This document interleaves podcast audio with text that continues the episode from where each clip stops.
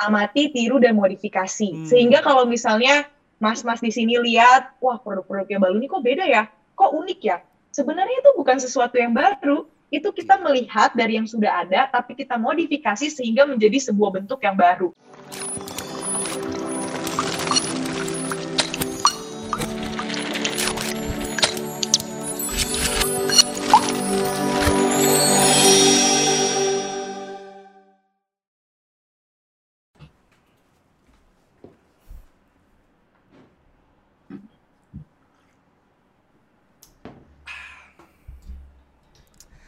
Hai Pinvestor, gimana kabarnya? Mudah-mudahan yang lagi nonton kita di rumah dalam keadaan sehat walafiat. Masih sama gua Ingga Putra dan Mas dosen kesayangan Sony Agustiawan di acara Pikes Ngopi Manis, ngobrol pintar masalah bisnis. Halo Mas Son, gimana kabarnya Mas Son? Halo Mas Ingga, apa kabar? Alhamdulillah sehat. Gue juga alhamdulillah sehat Mas Son. Mas Son. Yes. Um, lu kan pebisnis juga ya Mas Son ya?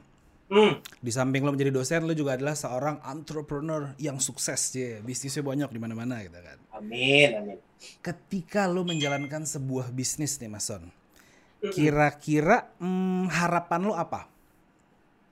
Ya, yang pasti kalau kita jalanin bisnis, harapan umumnya satu dapat cuan, dapat profit, mm -hmm. gitulah ya. Kemudian yang kedua menambah wealth kekayaan diri kita dan keluarga kita. Sadis. Ya, dan yang ketiga, kalau gue pribadi, gue pengen punya dampak positif. Keren. Gila keren-keren banget ya alasannya Mas nih. Tapi gue setuju banget sama hal itu. Hmm, dan memang orang itu biasanya memulai sesuatu itu dengan penuh harapan ya Mas ya. Betul. Ada pepatah juga nih Mas yang bilang, yang namanya kalau kita nanam mangga, pasti tumbuhnya bakalan mangga. Nggak mungkin kalau kita nanam mangga, tumbuhnya duren. Ya dong. Ya, uh. Sama seperti uh, yang udah kita undang, uh, ada seseorang wanita ya, yang uh, bisnis yang ditanam ini adalah memberikan kebahagiaan untuk orang lain. Jadi dia menanam kebahagiaan untuk orang lain dan insya Allah hasilnya akan berbuah kebahagiaan. Ada Amin. Elis. Hai Halo. semuanya. Halo Elis, apa kabar Lis? Hai Mas Sony, hai Mas Ingga. Halo. Sehat sehat sehat. Alhamdulillah, gue deg-degan nih kalau ngobrol sama Elis. Tadi begitu pas lihat, tuh gila nih cakep banget nih Mbak Elis ini. Buset. Ingat istri bro di rumah. Oh, siap, siap, siap. Istrinya nonton, maaf ya Mbak. Mbak Elis ini dari Baloni, cuman mungkin um, kita kenalan dulu aja kali ya sama Mbak Elis biar Mbak Elis yang mengenalkan diri kepada investor. Silakan Mbak Elis. Boleh, boleh. Karena tak kenal maka tak sayang, Betul. jadi Pinvestor. Kenalin, nama aku Elisi Santoso, usianya 26 tahun, dan aku ini dulu alumni dari S1 Prastia Mulia. Muridnya Pak Sony dulu nih, jadi oh. suatu kehormatan banget bisa diundang sama Pak Sony, bisa ketemu Mas Ingga juga nih di acaranya Pinvestor. Likewise, Singkatnya, hmm, Thank you. Singkatnya Baluni ini adalah bisnis yang aku rintis waktu zaman kuliah tuh, mm-hmm. waktu tahun 2016. Dan itu aku rintisnya itu bareng sama mantan pacar aku hmm. yang sekarang udah jadi suami nih. Wih, jadi aku tuh pacar. angkatan 2014. Huh? Suami aku angkatan 2013. Kita sama-sama kuliah di Prasmul, ketemu di Prasmul dan bikin bisnis bareng gitu waktu masih kuliah. Dan puji Tuhan banget sih ya mungkin karena udah dibukain jalannya juga sama Tuhan. Akhirnya kita sampai sekarang bikin bisnis ini udah running lima tahun gitu. Alah. Baluni ini adalah bisnis yang bergerak di bidang balon custom hmm. perlengkapan pesta dan juga dekorasi gitu. Mantap. Singkatnya gitu. Lima tahun bentar, bentar. ya bentar gimana nih? Ya bentar bentar bentar Nah, sebelum gue tanya-tanya dan masih nggak tanya-tanya tentang baluni, hmm. gue mau nebak nih. Karena kan namanya baluni, ini sengaja ya, biar semua orang tahu lu jualan balon. Karena kan baluni sama dengan balon tambah nih gitu ya. balon Apakah nih. ya, balon nih gitu. Yo, Apakah brandnya itu biar orang mudah inget dan mudah relate kepada produknya gitu ceritanya. Oke, jadi sebenarnya ada filosofinya kalau misalnya kalian perhatiin ya jadi memang pemilihan nama ada unsur balon itu supaya di keyword orang carinya gampang gitu ya. Tapi kenapa belakangnya EY? Baluni. Karena E-nya itu stands for Alice, G-nya itu adalah suami aku Yonatan. Jadi makanya oh, kita buatlah namanya Baluni gitu. Oh alah, gue pikir apa brandnya itu brand-brand yang kecentilan gitu balon nih gitu balon gitu. nih Masan Anda kok ya, bapak juga kan tapi unik ya eh, kehadiran lo ini kan memberikan uh, kebahagiaan bagi seseorang gitu loh. Membuat orang-orang tuh yang datang tuh yang dapat tuh jadi happy gitu loh. Nah, ini so far tapi selama pandemi bisnis lu gimana nih? Oke, okay, looking back waktu inget awal-awal pandemi, kayaknya almost every industry tuh kena impactnya gitu.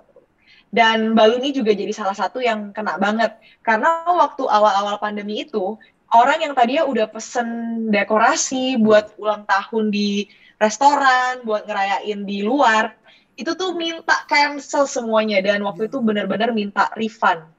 Dan akhirnya pada saat waktu itu Baluni kita juga sebagai company kita ambil kebijakan yang lumayan ekstrim sih. Jadi buat yang emang pengen refund, kita full refund 100%, kita nggak tahan kreditnya mereka gitu. Jadi kalau mostly kan orang-orang kayak nahan kredit nih, nggak bisa kan kita nggak bisa balikin duitnya, nanti kakak pakai aja. Nah tapi kalau Baluni beda, karena kita memang lebih customer oriented, kita lebih mengutamakan kepuasan customer, ya udah nggak apa-apa, kita balikin aja semua uangnya gitu. Sempat hmm. awal-awal kita struggling, tapi akhirnya sebenarnya di setiap masalah itu tentunya pasti ada peluang dan di peluang itu kita coba mikir kira-kira inovasi apa sih yang bisa kita temukan di masa-masa pandemi waktu itu akhirnya aku dan tim kita brainstorming kira-kira masalah apa yang ada kita tuh uh, ketemu bahwa orang-orang dan nyaman di rumah hmm. sehingga akhirnya dari tim Baluni kita berinovasi kenapa nggak kita bikin dekorasi yang lebih simple hmm. ukurannya nggak besar-besar banget dan itu bisa movable dari toko kita bawa dalam keadaan jadi, terus kita antar ke depan pintu rumah customer, mereka bisa disinfektan, mereka bisa make sure lah itu aman, dan mereka bisa bawa masuk ke dalam dan setting itu sendiri di rumah. Setelah itu, langsung melejit banget orderan wow. buat dekorasi. Jadi yang dari tadinya tuh zong, tiba-tiba langsung banget gitu. Waduh, ternyata tidak menurunkan ini ya PSBB nggak ngaruh nih membalon ini Mas nih. ngaruh lah, cuma untungnya karena ada strategi dan taktik yang kita lakukan, ya puji Tuhan lah jadi naik Sadis. gitu. Sadis, masuk Pak Eko. Nah kalau ngomongin strategi mungkin nanti Mama Sony ya, Keren tuh ya, bisa bikin strategi gitu. Keren. Tapi sebelum kita masuk ke strategi Mas Don ya gue pengen tanya nih suka duka C jangan suka duka dulu deh gue pengen tanya cerita hmm. awal mulai ngerintis coba deh oke okay. ngerintis waktu awal mulanya banget oke okay. hmm. Soalnya karena hebat yeah. loh ya, sekarang tuh udah dipercaya sama artis-artis tanah air Mas Don. Jadi gue kalau lihat di Instagramnya tuh, wih yang pesen si artis ini, artis itu, waduh keren deh pokoknya. Coba silakan Mbak Elis. Aduh, thank you banget Mas. Puji Tuhan. Sebelum aku cerita, mungkin aku mau ngasih sedikit tips sih ke para hmm. investor hmm. untuk kita memulai sebuah bisnis yang pasti kita tuh harus punya the right mindset dulu. Kebanyakan orang bikin bisnis tuh maunya langsung instan, maunya kayak oh gue tuh langsung sukses. Tapi yang selalu aku ingat kuncinya tuh ada tiga. Yang pertama kita itu boleh dream big like an elephant. Jadi kita boleh punya cita-cita nanti gue mau punya omset sekian, gue mau punya karyawan sekian, gue mau punya cabang sekian, nggak apa-apa, kita bermimpi aja, bermimpi setinggi-tingginya. Tapi kita harus yang kedua apa? Start small, like a mouse. Jadi kita bisa mulai bisnis itu dari yang kecil. Hmm. Jadi nggak harus langsung punya modal yang banyak atau punya peralatan yang banyak, harus sudah punya karyawan, punya ini, punya itu.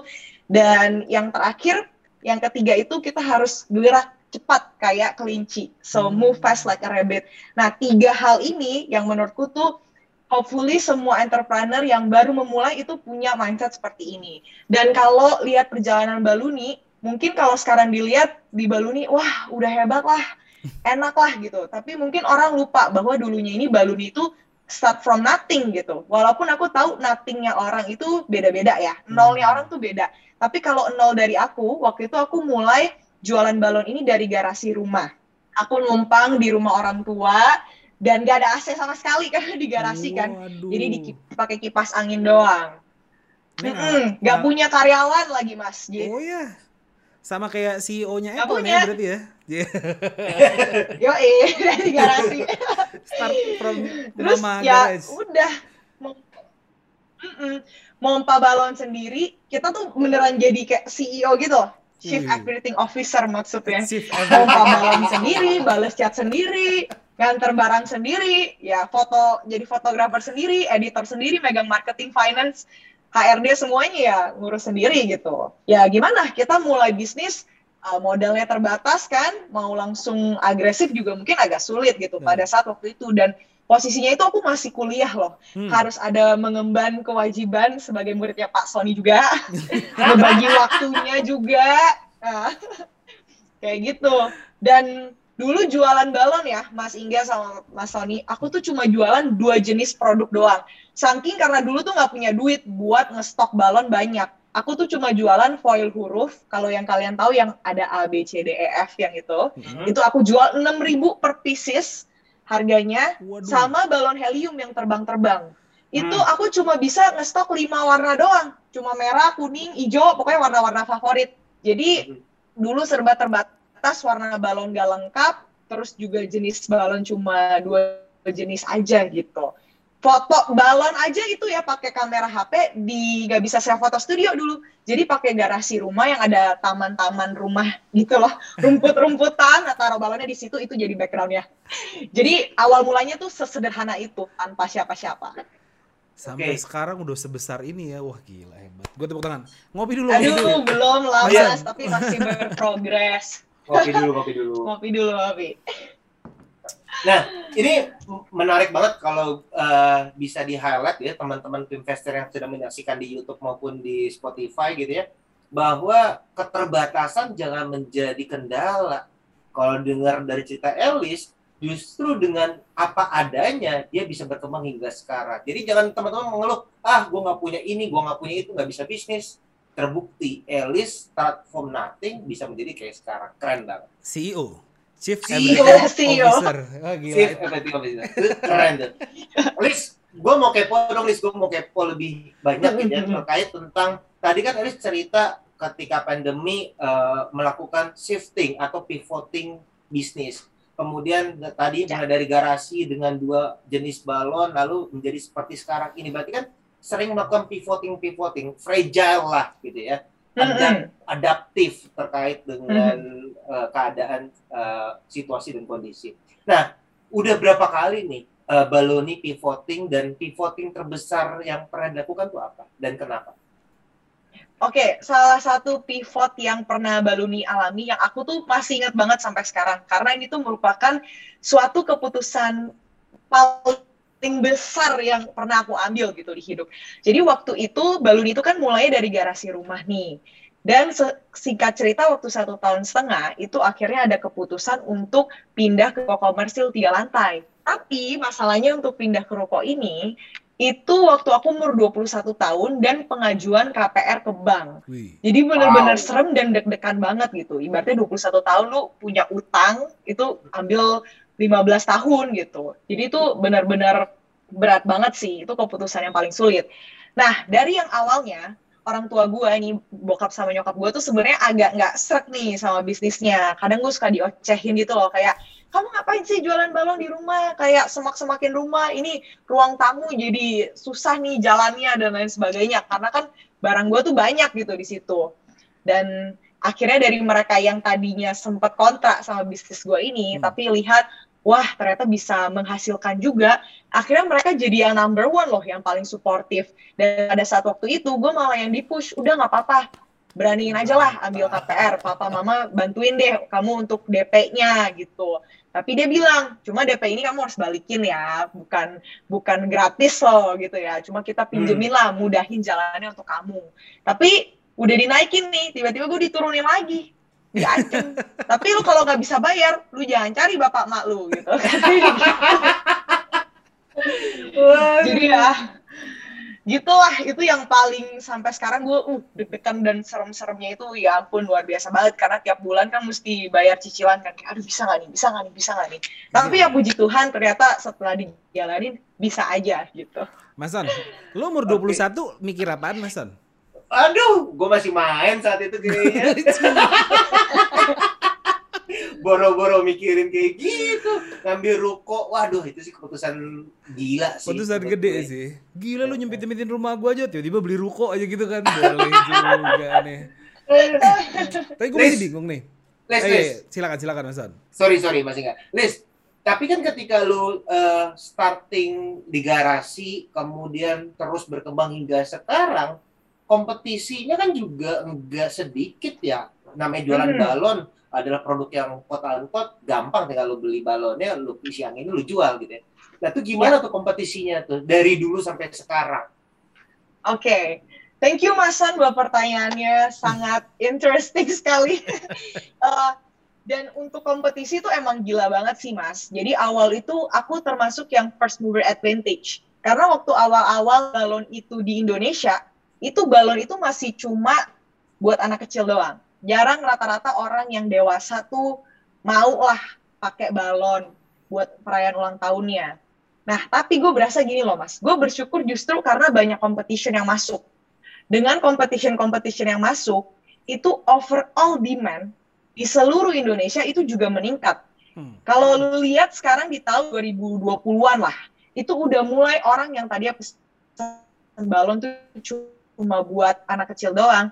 Dari Baluni kalau kalian lihat kan artis-artis pakai CEO CEO yeah. bank-bank besar itu aja kita dapat loh project lainnya. Ulang tahun bank kita dapat projectnya dan project pemerintahan waktu itu kita pernah dari orang istana pernah pesan di kita itu untuk farewell seseorang di sana wow. itu juga pesan balon gitu jadi gue merasa karena bukan karena hebatnya Baluni ya karena hebatnya banyak orang-orang yang pengusaha balon nih yang masuk jadi demand-nya itu secara dunia, secara Indonesia lah, tapi globally juga sama. Itu benar-benar meningkat gitu. Jadi ya nggak apa-apa ada kompetisi masuk, why not? Kita nggak hmm. bakal bisa mencegah faktor-faktor eksternal. Kompetisi hmm. itu pasti ada. Tapi I can say Baluni walaupun awal sekarang udah ada banyak kompetisi, kita tetap stay strong gitu. Tetap bisa bertahan. Kenapa? Karena kita nggak enak-enak aja kita inovasi terus, yeah. kita mikir terus harus gimana, kita maintain relationship sama klien kita, kita bangun brand kita. Jadi ya makin besar juga gitu sih. Hmm. Jadi jangan pernah takut lah sama yang namanya kompetisi gitu. Yeah. Malah kompetisi itu ada positifnya. Oke, berarti kompetitor balon industri balon ini kalau aku bisa katakan semakin besar kompetisi itu semakin memberikan warna di industri hmm. sehingga yes. membuat marketnya juga semakin lebar. Is very nice. Exactly. Oke, okay. yeah. nah dengan kondisi seperti itu, terus gimana Baloni menyikapinya? Apa sih keunggulan dari Baloni sehingga oh gue kalau mau pesan gue pesan ke Baloni nggak ke merek lain? Quote unquote USP-nya, unique selling point, pembeda Baloni okay. itu apa? Oke, okay. unique selling point Baloni bisa dilihat dari produknya sendiri, dari servisnya itu sendiri, dan dari brand Baluni itu sendiri. Hmm. Digodok dulu nih satu-satu ya eh thank you loh mas ini kayak pertanyaan ini tuh kayak buat kesempatan promosi gitu deh ya jadi uh, kalau dari produknya sendiri nih ya produk kita itu ada lebih dari 300 SKU yang bisa dipilih sama customer. Ui. Jadi mau yang bapak-bapak, emak-emak, kakek-kakek, nenek-nenek, sampai anak-anak atau anak milenial, Gen Z, Gen Y, pokoknya semuanya tuh ada gitu. Hmm. Jadi sangat banyak sekali pilihannya. Lalu yang kedua, kita tuh customizable. Kalau dulu balon itu kan cuma bentuknya bulat, ya udah paling cuma gitu-gitu doang ya. Sekarang hmm. itu mau bentuk mukanya Pak Sony aja kita bisa bikin loh. Wih. Terus mau ada namanya pose Pak Sony aja kita bisa bikin. Mau ada foto istrinya Kak Inga juga bisa kita masukin. Jadi sangat customize sekali gitu. Karena semakin customize, orang itu akan semakin senang, berasanya eksklusif gitu. Hmm. Nah, jadi itu bisa dibaluni. Dan uh, dari sisi servis ya, servisnya Baluni, kita ini toko balon yang paling longest duration hour-nya. Kita buka dari jam 7 pagi sampai jam 11 malam. Waduh. Which is itu dulu nggak ada yang sama sekali buka sampai semalam itu. Dan sepagi itu bukanya. Rata-rata itu cuma dari jam 8 sampai jam 5 sore udah tutup. Tapi kita pada masanya jam 7 pagi sampai jam 11 malam.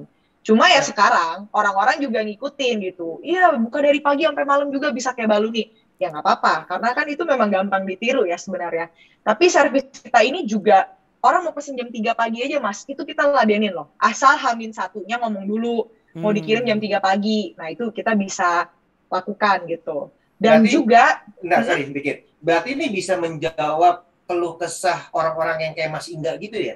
Jadi tiba-tiba jam 10 hmm. malam ingat, oh bini gue besok ulang tahun, gue bener, gitu kan? Yang gak bener banget. gue tuh suka lupa loh kalau bini gue Ih, gue tahu banget lu enggak. Jadi ini menjawab pertanyaan itu gitu ya.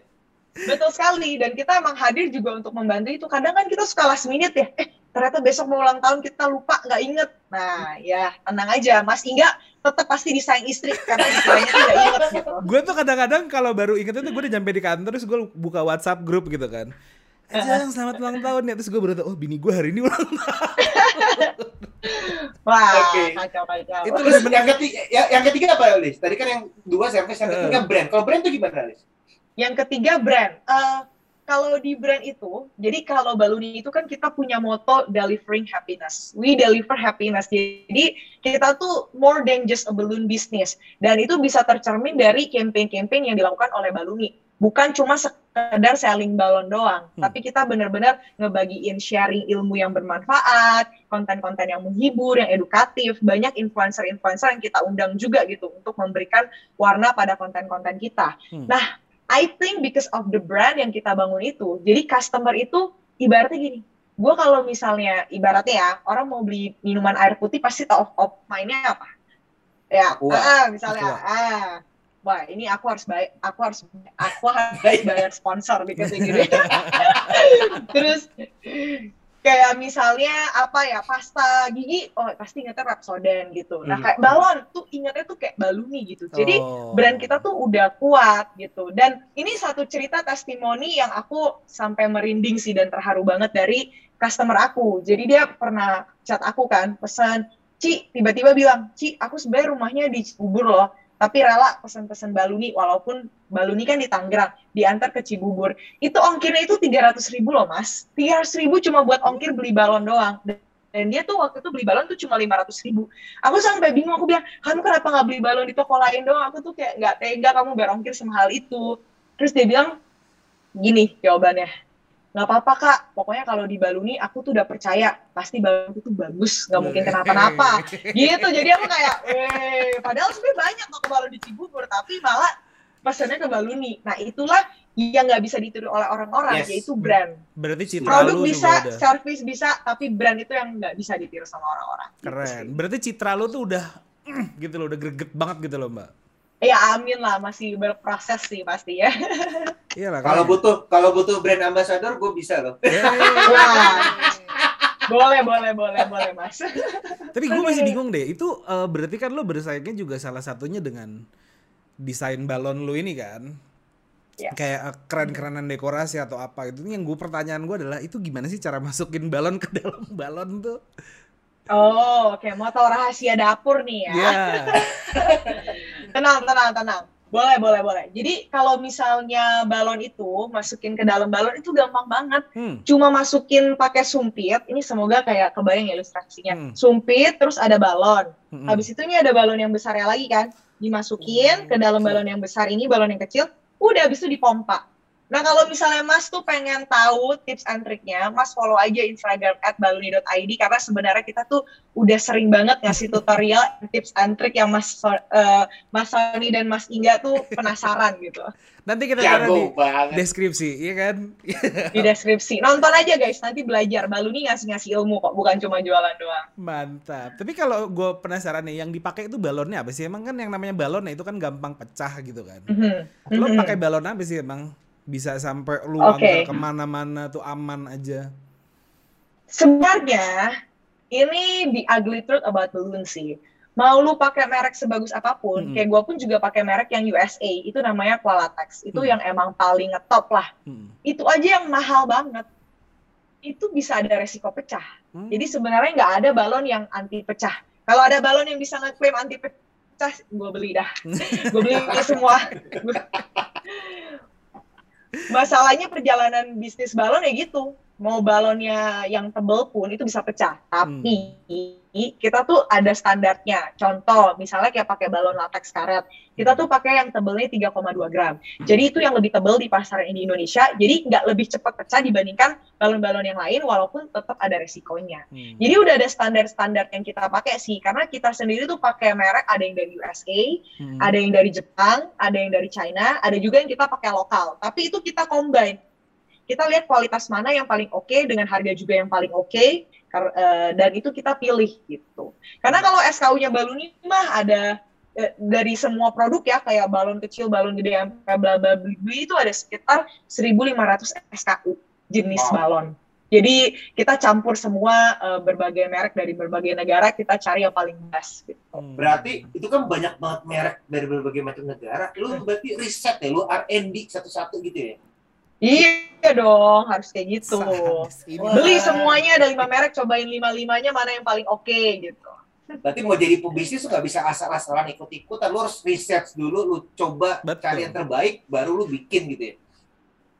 Betul, itu betul, lu ngelakuin sendiri Lis, riset itu Lis? Ya sama suami gua dulu, yes. Hmm kita sambil by the time lah. Kan itu juga SKU sampai 1500 kan dari awalnya kan cuma sedikit doang. Dulu cuma dua jenis barang doang, warnanya beda-beda. Pelan-pelan pelan makin nambah produk, ya kita coba coba coba coba coba sampai bisa sampai ada ribuan kayak gini. Udah puas belum sekarang nih? Iya. Yeah. Dengan hasil riset ini. ya kalau misalnya bilang puas sih bersyukur bersyukur ya pastinya karena lo lihat dulu sampai sekarang udah beda banget gitu progresnya. Tapi yang pastinya kan kita jadi manusia juga harus terus berproses yeah. dan berprogres gitu ya. Jadi hmm. masih banyak banget ambisi-ambisi lain ke depannya. Karena dibandingkan mungkin perusahaan-perusahaan luar negeri, ya Baluni ya belum ada apa-apanya gitu. Bisa aja nih Mbak. Tapi yang kita tahu ya Mbak Elis ya, yang namanya balon itu kan bisa jadi dekorasi atau bisa jadi gift yang menarik buat orang-orang bisa memberikan kebahagiaan. Gue pengen tanya deh sama lo, pentingnya sebuah dekorasi dalam satu acara tuh apa sih mbak? Menurut lu aja deh. Oke, okay. pentingnya sebuah acara dekorasi dalam sebuah acara. Pentingnya dekorasi dalam sebuah acara. Yes, menurut gue penting banget sih. Ibaratnya kayak kalau lu masak tapi tuh nggak pakai garam. Sama. Kayak ada sesuatu yang hilang gitu. Kayak ada yang kurang gitu ya. Gitu. Ada yang kurang. Iya, Karena iya. kalau misalnya dekorasi itu ada di dalam acara itu tuh bakal berasa memorable banget. Yang hmm. kita ingat kan sebenarnya adalah memorinya yang nggak bisa keulang. Hmm. Kadang ada orang kayak ah udahlah kan acaranya cuma bentar doang gitu ya justru karena acaranya cuma sebentar dan cuma setahun sekali dan mungkin seumur hidup sekali, justru itu yang bikin kita tuh jadi teringat gitu memorinya. Nah hmm. makanya adanya dekorasi itu sangat menambah banget sih suasana, warna dan juga memori yang hmm. ada di event di hidup kita gitu sih kalau menurut aku ya. Hmm.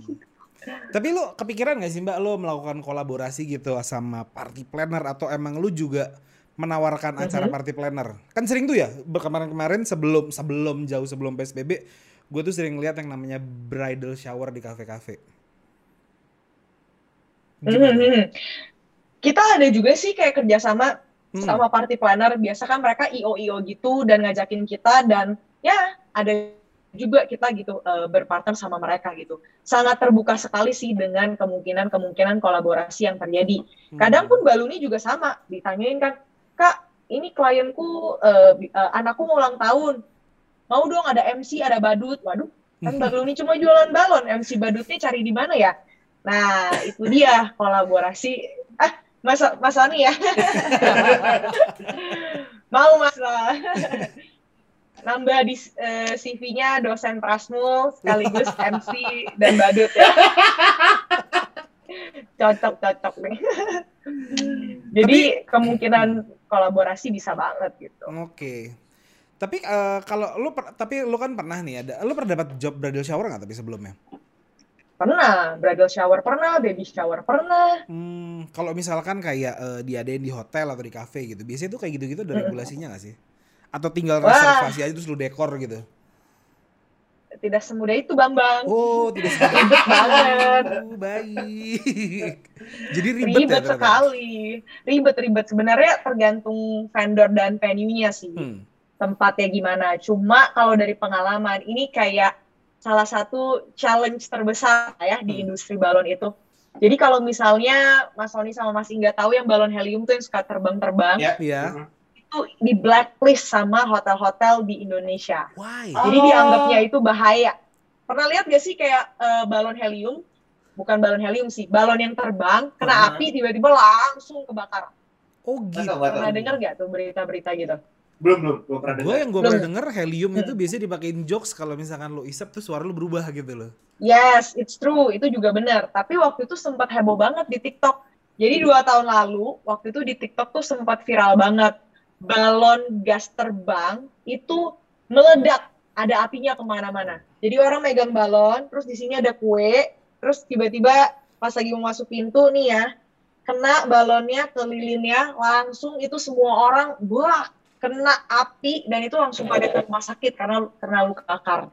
Itu pernah sampai jadi heboh banget, terus kayak orang-orang takut, aduh jangan beli balon terbang ya, bahaya bahaya gitu kan. Nah sebagai penjual balon tentu kita terpukul banget dong. Ini kan ibaratnya isu yang kita kena bahwa ini tidak aman, jangan hmm. pesan balon terbang gitu. Padahal sebenarnya ada kekeliruan atau miskomunikasi lah dengan uh, masyarakat bahwa balon yang terbang itu gasnya itu tuh ada tiga jenis mas, uh, helium, ada karbit, ada hidrogen. Hmm. Helium ini adalah gas mulia yang paling ringan dan ini sangat aman. Mau kena api, ia juga nggak bakal kebakar, cuma pecah doang. Tapi yang bahaya adalah gas hidrogen dan karbit. Nah, hmm. perbedaan dua gas ini, satu bisa uh, dua bisa kebakar satu aman, itu selain itu juga dari harganya. Helium itu tuh mahal banget. Rata-rata helium itu dijual satu piecesnya dua ribu. Sedangkan karbit itu paling cuma lima ribu. Jadi kan ekstrim banget nih harganya. Hmm. Dan penjual-penjual tuh kadang suka nakal, bilangnya jual balon helium aman-aman. Padahal isinya gas karbit gitu. Jadinya oh. ada apa ya mispersepsi lah bahwa pokoknya semua balon yang terbang itu tuh bahaya. Padahal jenis gasnya itu beda-beda gitu. Nah akhirnya ya hotel-hotel udah dari zaman dulu sih emang tuh nggak bolehin balon helium itu masuk. Tapi karena mereka tidak mengerti sebenarnya konsep dari balon terbang itu. Hmm. Jadi susah banget deh. Cuma ada beberapa hotel yang di Jakarta yang udah kerja sama-sama aku yang mengizinkan bal balon helium itu masuk. Sisanya nggak boleh. Karena mereka sudah mengerti literasi tentang itu gitu ya. Betul, sudah teredukasi lah dan sudah hmm. percaya. Makanya hotel-hotel sebelum masuk pun minta aku, e, Mbak, tolong ini aku ambil satu, aku mau bakar ya, mau burn test dulu nih. Beneran nggak hmm. nih helium asli? Bener dong, pas dipecahin nggak ada apinya, silakan masuk Mbak. Kayak gitu harusnya. Tapi kalau di sini nggak ada. Pokoknya langsung dari jauh security keluar keluar putar balik jangan masuk loh kayak gitu. Oh, gue baru tahu loh nih Mason bener deh. Iya sama gue juga. Hmm. Iya. justru justru uh, apa diskusi-diskusi gini yang bisa memberikan informasi mendidik ke, ke, ke pendengar gitu ya sehingga orang menjadi yes, well educated gitu. Mm-hmm. Tapi lu Benar banget. Belis lu tapi sering dapat occasion uh, lu biasanya paling sering dapat occasionnya apa nih? Ulang Kayak... tahun sih, ulang hmm. tahun. Dan orang tuh paling suka banget balon helium karena kan efeknya wow bisa terbang amazing yeah. kayak gitu kan. Instagramable dan ini lucu sih Mas Ingga hmm. Mas Sony. Jadi aku inget yang pas dua tahun lalu itu kan heboh banget tuh di TikTok. Sampai jangan beli balon kayak terbang bahaya bahaya gitu kan.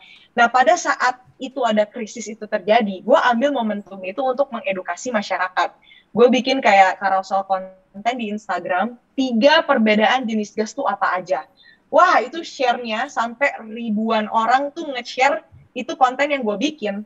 Terus habis itu malam itu juga habis gue selesai bikin konten itu gue ditelepon sama RCTI sama Sklet Mbak Elis boleh nggak datang ke toko? Kita mau ngeliput Mbak Elis nih tentang terkait uh, balon balon balon helium balon hidrogen. Itu yang bahaya buat masyarakat. Oh ya dengan senang hati dong ya. Wah luar biasa banget. Ternyata sebenarnya waktu ada krisis itu kita bisa turn itu jadi opportunity untuk edukasi masyarakat gitu. Hmm. Itu mereka datang ke toko lu yang di di ruko lu itu? Ya, datang bawa sama krunya sampai oh, bawa, bawa lighting lah, bawa kamera semua langsung sore jam 3 jam 3 jam 4 sore gue di kontak jam 7 datang. Sadis. Ini anyway itu toko lu yang offline itu bisa uh, maksud gue lu ada penjualan offline kah di toko lu itu? Ada, ada. Gue ada walk-in store gitu, offline hmm, store. Jadi kalau orang boleh... kalau mau beli party supplies mm -hmm. bisa datang. Di mana tuh Mbak Elis? Di Rupa Floret nomor 66 Gading Serpong. Oke, catat investor ya. Nanti kita taruh juga di, deskripsi. Di deskripsi. Oke. Eh, Lis, tadi uh, kan paling sering project yang didapetin adalah ulang tahun gitu. Nah, kalau gue mau nanya nih, ini yang sedikit beda dari mm -hmm. umum project yang paling lu ingat memorable? Terserah apakah itu project saking mm -hmm. wow-nya atau project the worst project yang pernah lu dapetin. Yang paling okay. memorable apa? Oke, okay. yang paling memorable itu tahun lalu. Jadi gue kaget banget, gue di kontak sama customer, dia bilang, e, Mbak Elis kayak mau dekor nih, oke okay, siap Pak, mau dekor di mana? Di Manokwari, Papua. Wow. Gue sampai kayak, what? jauh. Papua gitu kayak jauh, jauh banget. Makanya apalagi kan dekor kan karena aku di Tangerang, kita tuh cuma terima daerah Jakarta, Tangerang, Depok, ya cuma daerah sekitar situlah. Kalau yang terlalu jauh tuh ya bisa, cuma kan transportnya mahal. Customer mau bayar nggak gitu kan? Hmm. Nah, ternyata yang dari Papua Manokwari ini, ini tuh closingnya cepat banget, cuma dalam waktu empat hari loh. Empat hari langsung tim gue berangkat. Itu udah itu apalagi lagi COVID, lagi harus PCR test itu nyari PCR test wah setengah mati nyari keliling-keliling yang bisa satu kali 24 jam. Karena kita tuh empat hari gue di kontak tapi dealnya itu hamin satu sebelum gue berangkat. Uh, eh, gue nggak berangkat sih actually tim gue yang berangkat. Cuma itu yang nggak nggak nggak akan terlupakan gitu. Jadi bawa-bawa koper balon semua barang kita bawain dari Tangerang dalam waktu sesingkat-singkatnya gitu. Dan tim gue happy sih kayak kayak nggak pernah kan ke Papua dan ngelihat video-videonya gue dikasih lihat kayak wah seru banget sih. Itu juga nggak? Masih nggak? Hmm. itu juga pasti nilai proyeknya gede tuh. Kalau nggak dibela-belain ke Papua. aduh. Kalau nggak ini gede? ah, jangan bilang-bilang nanti dicari Bu Sri Mulyani. Oke, nah itu kan yang yang uh, indah gitu. Nah, kalau hmm. boleh cerita ke teman-teman investor nih, pernah nggak dapat uh, komplain atau yang mm-hmm. yang kegagalan lah uh, dalam memfulfill project yang didapat itu? Iya, pernah lah, sering, sering banget. Pokoknya kalau bisnis itu kalau nggak dikomplain, nggak mungkin. Jadi teman-teman jangan sampai investor baru bikin bisnis ada yang komplit dikit, galau. komplain dikit mau nyerah, galau. Udahlah, udah berhenti aja. Ya, ya selama perjalanan bisnis tuh banyak banget komplain. Apalagi kan aku di bisnis jasa ya wah itu benar-benar tinggi banget komplainnya. Satu yang paling memorable di aku mungkin waktu itu kita terima project uh, corporate perusahaan. Jadi hmm. waktu itu pernah dekornya itu banyak deh, ada beberapa spot. Tapi yang paling fatal itu waktu itu kita pasang bendera banyak tuh di atas ceiling-ceiling uh, di atas itu. Di atas nah kita kan ya? ngedekornya, ya? uh, uh, ngedekor hamil satu nih bendera-bendera tuh banyak banget. Tapi dia bilang nggak boleh di strapless, nggak boleh di apa-apain gitu. Yeah. Jadi akhirnya kita cuma punya pilihan tuh agak susah teknisnya nih. Hmm. Akhirnya udah sholatip aja yang banyak. Sholatip, sholatip, sholatip. Ternyata waktu malam-malam nih, udah jam 12 malam selesai ngedekor, tim gue pulang. Tahu-tahu itu benderanya ambruk.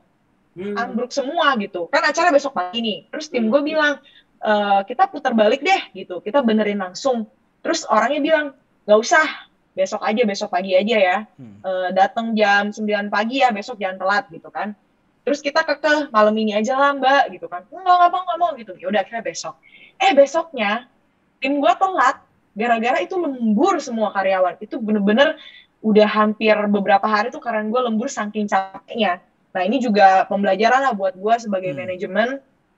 Ya karyawan itu juga harus dilihat jangan terlalu diforsir gitu kan proyeknya nah akhirnya tuh telat kayak mereka tuh kayak udah jalanannya macet tapi ya uh, no excuse lah ya masa hmm. kita sebagai ini bilang jalanan macet tapi emang bener sih jalannya macet cuma intinya banyak hal terjadi mereka datangnya jalannya telat jalanannya macet terus itu di company-nya itu liftnya ngantri banget sampai akhirnya mereka tuh baru nyampe jam 9.30 hmm.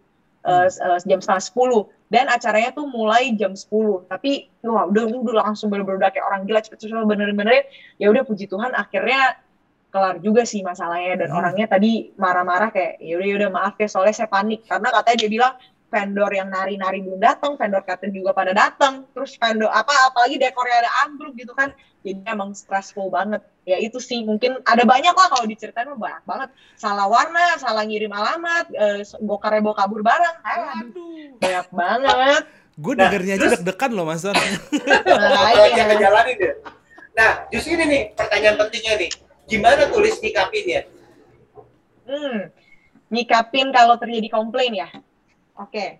Yang pertama sih pastinya kita harus punya mindset dulu bahwa nggak ada yang namanya nggak ada sesuatu yang sempurna gitu. Aku tuh sebenarnya Mas Sony, aku tuh orangnya perfeksionis banget. Jadi ya, dulu waktu jadi waktu awal ngejalanin bisnis ini, wah gue udah hampir berhenti tuh. Karena gue merasa kayak gue tuh nggak fail gitu Kayak, duh kok ada mulu sih masalah gitu. Gue tuh pengennya tuh semua perfect. Gue tuh semua mulus-mulus aja. Kenapa sih gue tiap kali jalan bisnis ini ada aja gitu masa yang aneh-aneh. Tapi akhirnya by the time gue coba jalan bisnis dan gue coba mindset gue udah list nggak ada yang bisa sempurna apalagi sekarang kan gue juga udah punya tim gitu kan dulu waktu gue jalanin sendiri aja gue yang ngelakuin bisnis aja gue bisa salah sekarang gue punya tim mereka ngelakuin kesalahan gimana gue mau marah guanya aja dulu juga pernah salah gitu kan ya udah jadi itu setelah itu sih aku jadi nggak terlalu perfeksionis lagi mas setelah itu kayak udah nggak apa-apa kalau ada masalah tuh I'm prepared for it Lalu yang kedua, ketika terjadi komplain itu, kita minta maaf dulu ke customer gitu. Kita kayak memahami dulu, mengertiin posisinya mereka gitu. Gak usah bela diri dulu. Ya mbak, tapi kan ini gini gini gini. Mbak, bukan salah kita dong. Ya kita pokoknya nggak usah ada pembelaan apa-apa lah. Minta maaf, ngertiin posisinya mereka. Setelah itu yang ketiga, kita ngasih solusi apa yang bisa kita tawarin ke mereka gitu. Ibaratnya waktu itu ya, yang bendera itu mas, yang gue copot dan karyawan gue telat, sebenarnya nggak telat sih karena FBN kan acaranya on time itu tahu nggak gue tawarin refund semua full benderanya gue bilang nggak apa-apa mbak aku refund aja full soalnya janjinya jam 8 pagi tapi malah datangnya jam 9.30 it's okay gitu. Aku serius? Begitu loh mas. Serius gue refund full itu benderanya. Terus untungnya apa orang baik udah mbak nggak apa-apa. Next event aja nanti tolong kasih diskon. Gila nggak sih? Wow. dari yang dianya marah-marah banget dia tuh ngancem loh. Ini kok telat ya? Jangan sampai saya posting di sosial media. Gila lu gue digituin loh. Hmm. itu gue bacanya kayak waduh remes banget gue mau diancam di sosial media udah dekornya berantakan terus ini ya telat tapi setelah itu gue juga menyelesaikan gue minta maaf apa lain sebagainya sampai bilang nggak apa-apa mbak nggak usah di refund nanti aja next time diskon akhirnya dia pesan lagi loh ke kita gitu oh, sih jadi gue berasa ya pokoknya kita kasih solusi yang terbaik lah. Nggak apa-apa rugi untuk customer, tapi untuk long termnya lebih bagus yeah. gitu di kita. Syukur-syukur dia mau beli, kalau nggak beli juga nggak apa-apa gitu. Setuju sih, itu berarti ngomongin servis yang baik ya Mas Son. Mm. Karena kalau udah urusan servis kan sifatnya subjektif sekali. Mm -mm. Hmm, keren, keren, keren, keren. Tapi kalau gue boleh tahu nih ya Mbak, lo mm -mm. dari semua dekorasi lu yang udah lu buat gitu mm -mm. ya, lu inspirasinya tuh dari mana sih?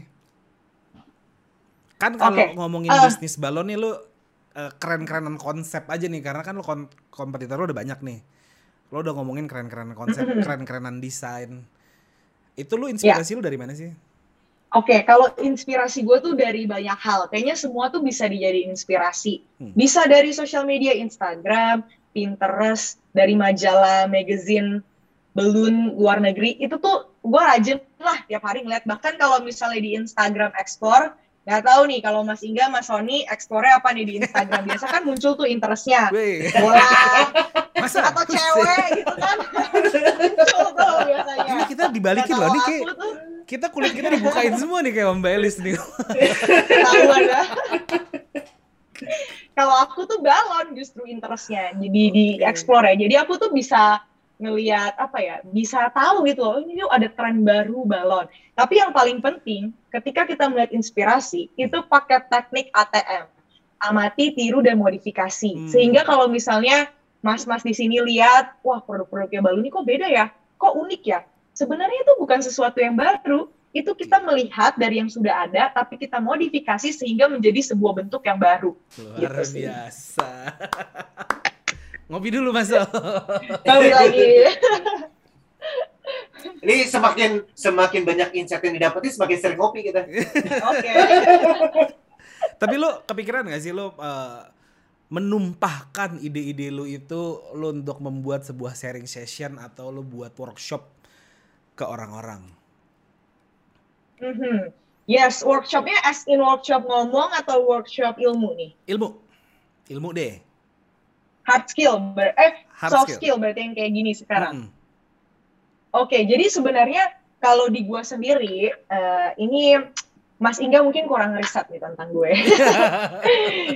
Jadi di Baluni sendiri tuh kita tuh udah ngadain kalau hard skill ya workshop dekorasi. Itu kemarin tahun lalu pas pandemi itu gue bikin sama hmm. guru floris gue. Jadi gue tuh belajar juga nih walaupun gue sekarang udah jadi pebisnis gue tetap belajar loh. Hmm. Gue belajar di balon sekarang gue belajar di bunga karena banyak permintaan customer tuh kayak mau mengkombinasikan balon dan bunga. Oh, Awalnya okay. gue nih belajar di namanya Intuition Floral. Itu salah satu intuisi bunga akademi bunga terbesar lah di Indonesia. Hmm. Nah, gue belajar sama dia. Habis itu guru gue ini ngajakin, eh kita bikin workshop yuk kolaborasi gitu. Bunga sama balon. Akhirnya itu pertama kali kita bikin workshop dekorasi bunga sama balon. Dan hmm. puji Tuhan kemarin rame banget ya Iktan. Uh, 20 orang kalau nggak salah yang itu merupakan kapasitas maksimal kita pada saat itu lagi pandemi. Hmm. Jadi itu kita bikin juga nih ilmu-ilmu kayak gitu tuh juga baru nih sharing. And as in kayak kalau ilmu secara apa ya mungkin marketing secara bisnisnya Uh, kalau boleh cerita, aku pribadi itu merupakan founder dari komunitas pengusaha balon di Indonesia, namanya Selonia. Kalau hmm. misalnya Mas Inga dan Mas Sony lihat ada Selonia Seniman Balon.id itu komunitas uh, seluruh seniman balon di Indonesia. Nah itu aku banyak ngisi-ngisi sharing session di situ. Nah nanti nih malam ini aku juga bikin workshop juga how to sell your product on Instagram Stories gitu buat para para teman-teman UMKM terutama seniman balon gitu. Jadi adalah platform-platform seperti itu. Hmm, mantap. Iya iya iya iya. Tapi kalau hmm, dari gue udah sih. Coba Mason, silakan Mason. Oke, okay. uh, eh, berarti berbagi itu penting banget. Jadi kalau dengar dari cerita Elis, walaupun dia sukses, dia tetap loh mau bantuin teman-teman UMKM pembalon lainnya itu keren hmm. sih. Oke, okay. uh, eh, gue Elis gue pengen nanya gitu ya. Uh, tadi selain melibatkan uh, para teman-teman UMKM balon, pasti kan tuh juga punya vendor gitu. Ada vendor, ada supplier untuk mendapatkan balon dari berbagai macam negara dengan berbagai macam jenis, nyari vendornya itu gampang nggak sih, Liz? Nyari vendor itu sebenarnya susah-susah gampang, tapi kuncinya itu harus niat. Niat dan konsisten. Dulu hmm. waktu awal gue kan nggak bisa langsung impor tuh. Ngerti lah, terus apalagi impor kan mesti ada MOQ yang harus kita pesen kan. Hmm. Jadi yang gue lakukan itu adalah turun ke lapangan. Dulu hmm. waktu itu ke ITS Mangga 2, ke jembatan pasar pagi lah, ke ASMK lah, itu turun-turunan tuh, waduh panas banget, masukin tuh tokonya satu-satu, catat namanya, tokonya apa, alamatnya apa, nomor handphonenya berapa, harganya berapa, jualannya apa aja, bandingin sama toko sebelah. Nah, jadi kita lihat mana sih kira-kira vendor yang cocok. Hmm. Tapi bisa juga sekarang kan juga udah online nih. Kalian misalnya mau pakai e-commerce juga bisa sih. Cuma pengalaman aku ya Pak, rata-rata yang jualan di ITC, di ASMK begitu-gitu, itu kagak ada jualan online, jadi emang harus turun ke lapangan kita cari sendiri untuk mendapatkan harga yang best price gitu. Nah setelah mungkin kita udah lumayan oke okay nih, waktu itu aku belajar uh, buat uh, ngeimpor itu juga nanya-nanya temen sih, eh gimana sih caranya mau impor barang nih dari China ke Indonesia, nggak ngerti, ya harus belajar gitu. Oh gitu ya, sampai waktu itu aku pergi ke China langsung, untuk nyari-nyari barang gitu. Nah dari situ hmm. akhirnya udah bisa belajar untuk ngimpor gitu sih. Jadi ya dibilang susah ya susah kalau kita nggak berusaha. Dibilang gampang ya juga gampang kalau misalnya emang kita ada niatan gitu loh. Bisa lah gitu sebenarnya. Oke. Okay. Tapi itu ada kontrak khusus nggak? Karena kan kalau kita bicara jualan balon berarti kan uh, bahan bakunya bergantung sama vendor nih. Kalau kualitas balonnya naik turun kan berarti mempengaruhi produk kita gitu kan gimana tuh memaintain mm -hmm. agar kualitinya seperti yang kita inginkan terus? Oke, okay, yang pasti pertama itu kita harus punya standar dari supplier sih. Kayak misalnya contoh kayak baluni sendiri kita kan ada balon latex, balon karet yang bulat itu kita pakai gabungan dari beberapa supplier. Kayak ada tiga supplier gitulah. Karena bergantung sama satu supplier aja itu juga timbul masalah baru loh Kalau misalnya nih supplier tiba-tiba naikin harga saya anak jidat, gimana? Hmm. Ya kan? Yang kedua, kalau misalnya ini supplier barangnya kosong. Itu yang paling sering banget terjadi di industri balon, sedangkan perputaran kita kan cepat. Aduh ini balon kosong, barang kosong, bagaimana nih nggak datang-datang barangnya gitu kan? Nah jadi kita mesti ada beberapa uh, supplier-supplier cadangan gitu. Dan untuk ini kita juga harus menerapkan standarnya Nah, standarnya kayak gimana itu balik ke masing-masing industri yang kalian miliki. Kalian bergerak di bidang apa? Apa kualitas-kualitas yang harus ada? Kalau as for me, karena aku di balon, aku mesti kudu tebel itu 3,2 gram balonnya. Hmm. Terus nggak boleh balonnya kalau dipegang itu warnanya e, ngejipak ke tangan. Karena kalau yang kualitas-kualitas balon jelek murahan itu, pegang aja tangan langsung merah-merah loh. Gitu. Oke, luntur Dan, gitu ya? Luntur. Dan kalau waktu dipompa, kulit jadi gatel-gatel. Nah, jadi itu kan bisa ada standar-standar yang bisa kita tahu. Jadi tahu oh kalau produk A, B, C merek yang ini tuh uh, bisa gitu. Merek-merek yang ini nggak apa-apa kok substitusinya. Jadi dari awal kalian set dulu sih kayak uh, benchmarknya. Dan yang kedua penting banget sih punya orang gudang. Kayak uh, di Baluni kita juga ada admin gudangnya sendiri. Jadi ketika barang datang, mau suppliernya kita tuh udah sering trust banget ya kayak maksudnya ini udah udah apa ya udah sering langganan tapi tetap harus dicek karena hmm. biasanya bisa aja ada barang defect gitu. Namanya juga buatan manusia, buatan pabrik juga mesin pun juga bisa error gitu kan ada defectnya. Jadi biasa kayak gitu kita minta tolong diretur gitu digantiin yang baru. Kira-kira gitu sih, semoga bisa menjawab. Oke, okay. nah kalau nyambung gitu ya. Mantap banget jawabannya. Sampai bingung. Sampai ada nah, adminnya kalau, sendiri ya, Doi ya. Iya, makanya. Nih, kalau gue nyambung ya, gue mencoba uh, mencari tahu lagi karena gue kepo banget orangnya eh, hmm. tadi bicara tentang supplier lalu bicara komunitas gitu. hmm. apakah komunitas yang tadi Elis katakan memiliki impact nggak sih ke dalam bisnis modelnya Baluni terutama dalam hal supplier dan dalam hal lain oh sangat gitu karena di komunitas yang kita bangun ini namanya Salonia Seniman Balon Indonesia kita tuh punya program namanya Merchant Salonia jadi di situ member-member yang join masuk itu punya akses untuk mendapatkan supplier-supplier yang oh, sudah bekerja sama dengan Salonia. Berarti eh, berbagi supplier ya? Berbagi supplier gitu. Wih, untuk yang ya. udah official terdaftar ya. Oh, gas helium beli di mana ya? Oh, kita punya nih, ada lagi ada promo begini-begini. Kita mau ini, mau cari di mana ya? Wrapping bunga gitu kan ya. Kadang kan kita juga pakai wrapping bunga buat bikin balon kan. Oh, kita udah ada suppliernya gitu. Jadi uh, apa ya menurutku jadi semakin semakin rame sih dan semakin terbuka gitu. Karena bukan kompetisi sekarang zamannya tapi kolaborasi. Emangnya kenapa kalau uh, supplier kita? Emang dia bisa bikin barang yang sama kayak kita? Emang dia bisa ngambil rezeki kita? Kayak gitu sih kira-kira. Ini masih enggak kalau dalam teorinya ini memang teori yang terakhir cukup berkembang nih. Namanya adalah competition. Dulu hmm. kita tahunya kompetisi dan tahunya kolaborasi. Yang ini yeah. yang Elis tadi katakan sebenarnya competition. Hmm. Jadi okay. dalam satu waktu sesama penjual melakukan kompetisi tapi juga berkolaborasi dan exactly hmm. itulah yang dilakukan oleh Baluni dan uh, timnya dengan uh, komunitas. It's very nice. Exactly. Keren, keren. Yes. Menurut gue kayak memberikan wadah buat teman-teman yang memiliki bidang yang sama agar bisa mencari solusi yang terbaik. Ya nggak sih? Yoi. Mantap. Tapi anyway, uh, sebelumnya uh, eh, gue sempat uh, janjian waktu itu ya sama Mbak Elis kan. Ternyata Mbak Elis kan ceritanya lagi di Lombok nih mas. itu lu lagi ngapain sih Mbak Elis di Lombok bikin ngiri aja nih? Lagi healing. Enggak, enggak, enggak, enggak, enggak lagi healing lah di sini juga kerja soalnya. Enggak ada yeah, tuh yeah. healing healing. Uh, well, aku tuh sebenarnya lagi di Lombok ini hmm. berkaitan juga dengan Baluni sih. Hmm. Jadi Baluni itu punya project untuk bangun sekolah. Wow. Dan wow. kebetulan kita bisa membantu lah salah satu sekolah di Lombok Utara sekolah dengan anak-anak kebutuhan khusus gitu. Jadi sekarang lagi ke sini tuh untuk mantau project itu. Hmm. And by the way bulan April mau peresmian. Jadi hopefully semuanya lancar ya nanti. Hmm. Amin. Wah keren Amin. banget Bu. Gua dua Mulia sekali. Amin. Aduh, thank you Pak. Tapi ini rame-rame kok Pak yang yang donasi kita tuh cuma jadi jembatannya aja jadi sebenarnya hmm. hebat bukan kita tapi justru orang-orang yang rame-rame nih ikutan support itu ceritanya gimana tuh soal yang itu tuh Mbak Elis yang kan lo katanya lu mengumpulkan dana dari komunitas itu boleh diceritain sedikit nggak mbak? Uh, ini yang masalah apa? Donasi. Donasi. Ya. Oh, Oke, okay. yang masalah donasi ya. Jadi yang donasi itu dulu awalnya Baluni itu sempat bikin namanya Happiness Project. Mm -hmm. Jadi kita tuh mau membagi apa sih makna kebahagiaan, tapi ini tuh dari sudut pandang anak-anak dengan kebutuhan khusus, dengan special needs. Nah, jadi aku uh, gandeng kerjasama satu organisasi yang memang dia ada di Jakarta sih sebenarnya organisasinya itu namanya Abilitas gitu.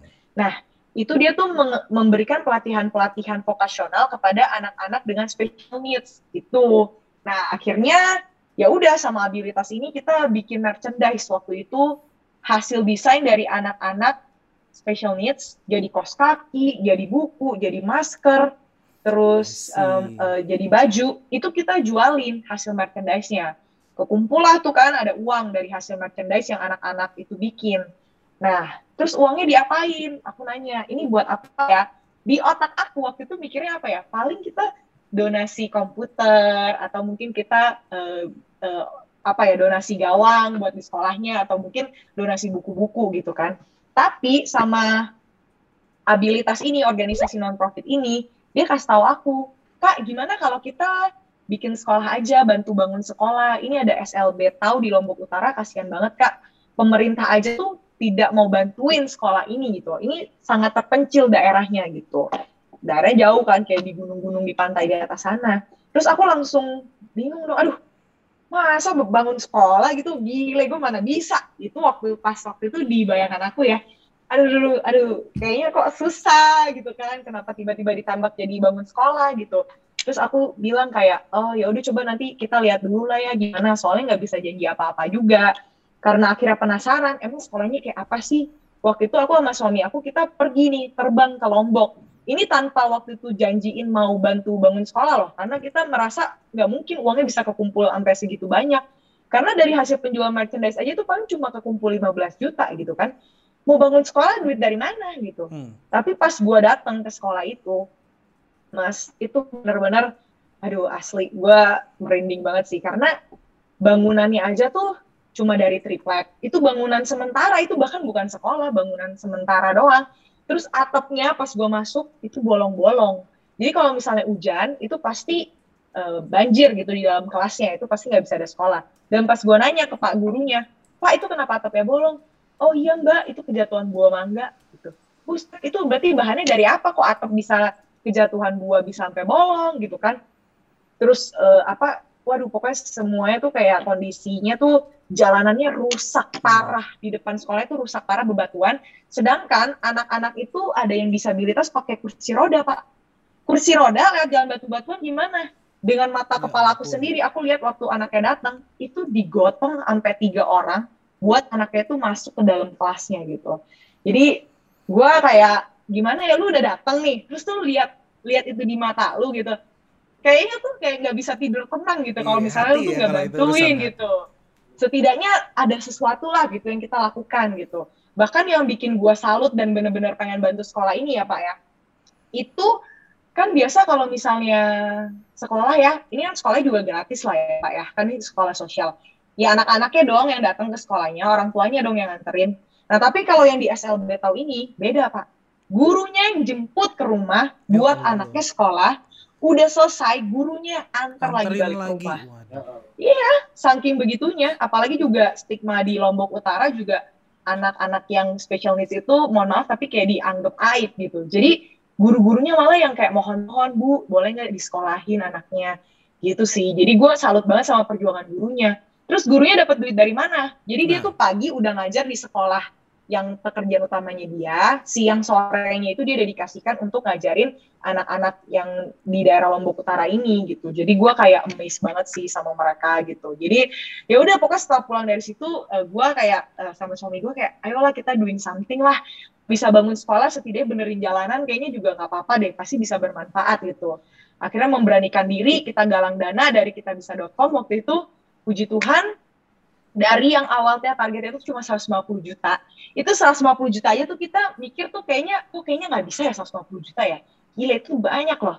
Ternyata sampai hari ini kekumpul 235 juta gitu. Jadi puji Tuhan banget gitu. Sampai sekarang nih kemarin minggu lalu gue uh, lihat kan langsung ke lokasi jalanannya udah bagus banget bangunannya udah mau jadi 70% so ya yeah, let's hope semuanya lancar sampai nanti peresmian ya gitu. amin amin amin berarti ini berarti ini God speak ya God speak. Kalau yes. emang, kalau emang lu niatnya tulus, Tuhan tuh akan membantunya dengan segala cara. Benar. Dan itu mungkin juga yang bikin Baluni makin sukses hingga sekarang. Yes. Aduh, amin. Karena Thank bisnisnya you, akhirnya bisa jadi berkah buat orang lain. Yes. Iya. Betul. Yes, yes.